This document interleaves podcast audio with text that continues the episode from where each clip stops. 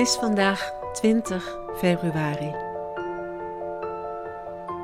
Ik wist toen die ochtend niet hoe snel ik in het ziekenhuis moest komen. Zo vroeg als ik kon haastte ik me door de ziekenhuisgangen op weg naar de IC. Daar kwam ik de verpleegster tegen die de laatste dagen voor Daisy zorgde. En ben je lekker uitgerust? vroeg ze. Maar één blik op mijn vragende gezicht en ze wist dat zij niet degene was met een prangende vraag. Daisy heeft een goede nacht gehad. Ga maar gauw naar haar toe. Enigszins opgelucht onderging ik ongeduldig het dagelijks ritueel van handen reinigen en door verschillende deuren heen die op elkaar wachten tot ze zich openden voordat ik de grote zaal van de IC binnenliep. Ik zag het meteen. Daisy's bed was helemaal aan de andere kant van de zaal en het enige wat ik kon zien was haar hoofdje. Maar ik zag het zelfs van die afstand. Ik hield de verpleegster staande die achter mij de zaal was ingelopen en zei: Haar hoofdje is blauw. Waarom heeft ze een blauwe gloed over haar hoofd? Ze keek me verbaasd aan en samen liepen we naar het bedje. Het is niet blauw hoor, verzekerde ze me.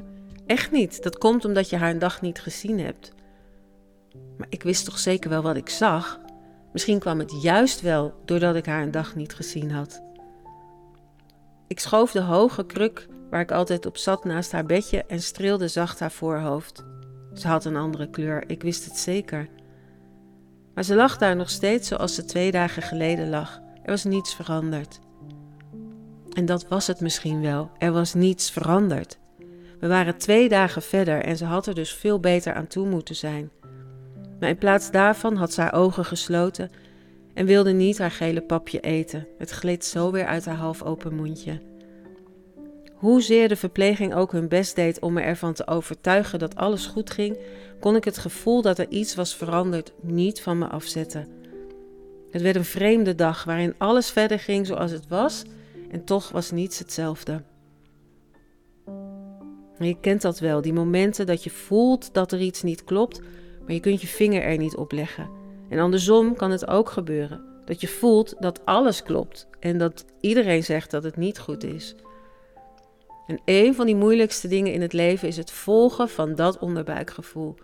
Niet alleen omdat je soms dwars tegen de stroom van de anderen in moet varen, maar ook omdat we het gewoon niet goed kunnen duiden.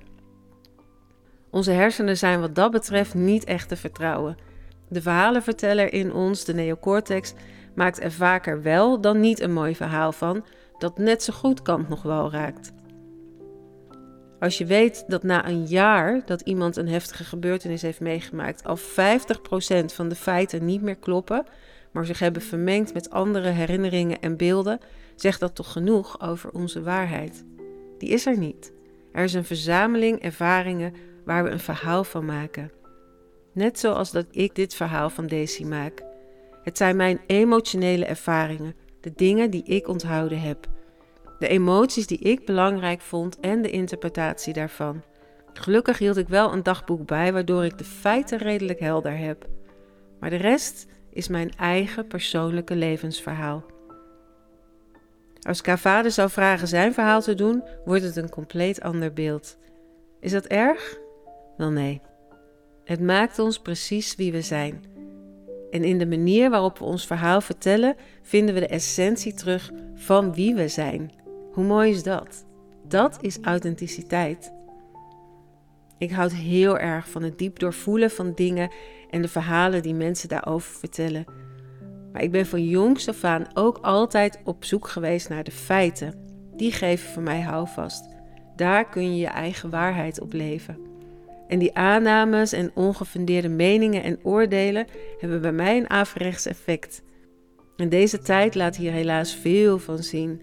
De verhalen nemen soms zulke absurde vormen aan dat ik niet eens begrijp dat mensen elkaar nog serieus nemen. En tegelijk weet ik dat het zo werkt. Het is van alle tijden. Hoe onzekerder de levensomstandigheden, hoe meer de neocortex er zin aan probeert te geven of een verklaring te zoeken voor veiligheid en grip op de situatie. Sinds ik mijn werk als nieuw storytelling coach doe, heb ik mij hier heel erg in verdiept. Een nieuw verhaal over je leven vertellen is de grote kunst om je los te maken van de verhalenverteller naar de vertaler. En daarmee bedoel ik dat je je leven, of eigenlijk wie je werkelijk bent, leert vertalen. om alles wat er gebeurt en zich voordoet te vertalen naar wie jij bent, in plaats van je te verliezen in de illusie over wie je bent. En we hebben soms wilde, ongegronde of zelfs angstige ideeën over wie we zijn. Er is zoveel niet goed aan onszelf en er is zoveel wat we niet kunnen of waar we een zelfbeeld over hebben wat absoluut niet klopt met de realiteit. En toen ik me hierin ging verdiepen, kwam ik ook mijn eigen verhalen steeds meer tegen. Gekoppeld aan oude overtuigingen die me niet altijd dienden, opgedaan tijdens traumatische ervaringen. Nog dieper dook ik onder in het leren begrijpen daarvan. En vandaag, op deze bijzondere dag waarin ik toen met Daisy niet wist welk verhaal er bij die dag hoorde, besefte ik pas dat werkelijke overgave aan dat wat zich voordoet het enige is dat werkt en helpend is. Het loslaten van welke illusie dan ook en teruggaan naar de kern. Vaak is het hoe en waarom daarvan helemaal niet duidelijk. En dat is zo lastig voor die mind, want die voelt zich pas veilig als het begrijpt en de volgende stap kan voorspellen.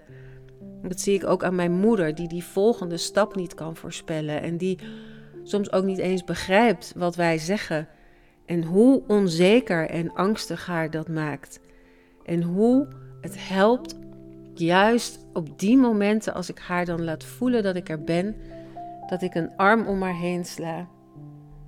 En helemaal met haar in het moment ben, dan komt ze tot rust en dan komt er weer een lach op haar gezicht. Dus deze tijd nu en ook toen stond in het teken van overgave. Niet weten hoe nu verder. En als ik werkelijk in dat niet weten stap en niets meer hoef te begrijpen, dan komt dat gevoel van overgave. Die overgave aan het leven zelf en alles wat daarin zichtbaar is. En dan ineens blijkt er zoveel liefde en schoonheid te zijn, ondefinieerbaar en zonder woorden. Onzichtbaar onder alle uiterlijke schijn, maar zo voelbaar voor het hart dat het lichaam het alleen maar kan ervaren als het meest werkelijke dat er op dat moment gebeurt. En zo zat ik die dag aan haar bedje, speelde haar muziekdoosje en op elke klank orchestreerde zich het concert van ons korte leven samen. Voelde ik haar liefde dwars door alles heen. De geluiden van de beademingsapparatuur verstomden, de pieptonen van de monitoren vermengden zich met de klanken van het leven en ik hoorde alleen nog maar het muziekstuk dat we samen componeerden, waarin onze lichamen en ons hele wezen samenvloeiden in licht en liefde. Mijn verhalenverteller begreep er niets van, maar mijn hart opende zich. De vertaler werd wakker in mij en sprak alleen nog maar van de pure verbinding buiten ruimte en tijd, buiten dat wat zichtbaar was als een roze wolk die zich om ons heen sloot en waar niets meer gezegd hoefde te worden. Waar alleen onze harten samenspraken in een taal die geen woorden heeft. Het was het begin van ons werkelijk samen zijn.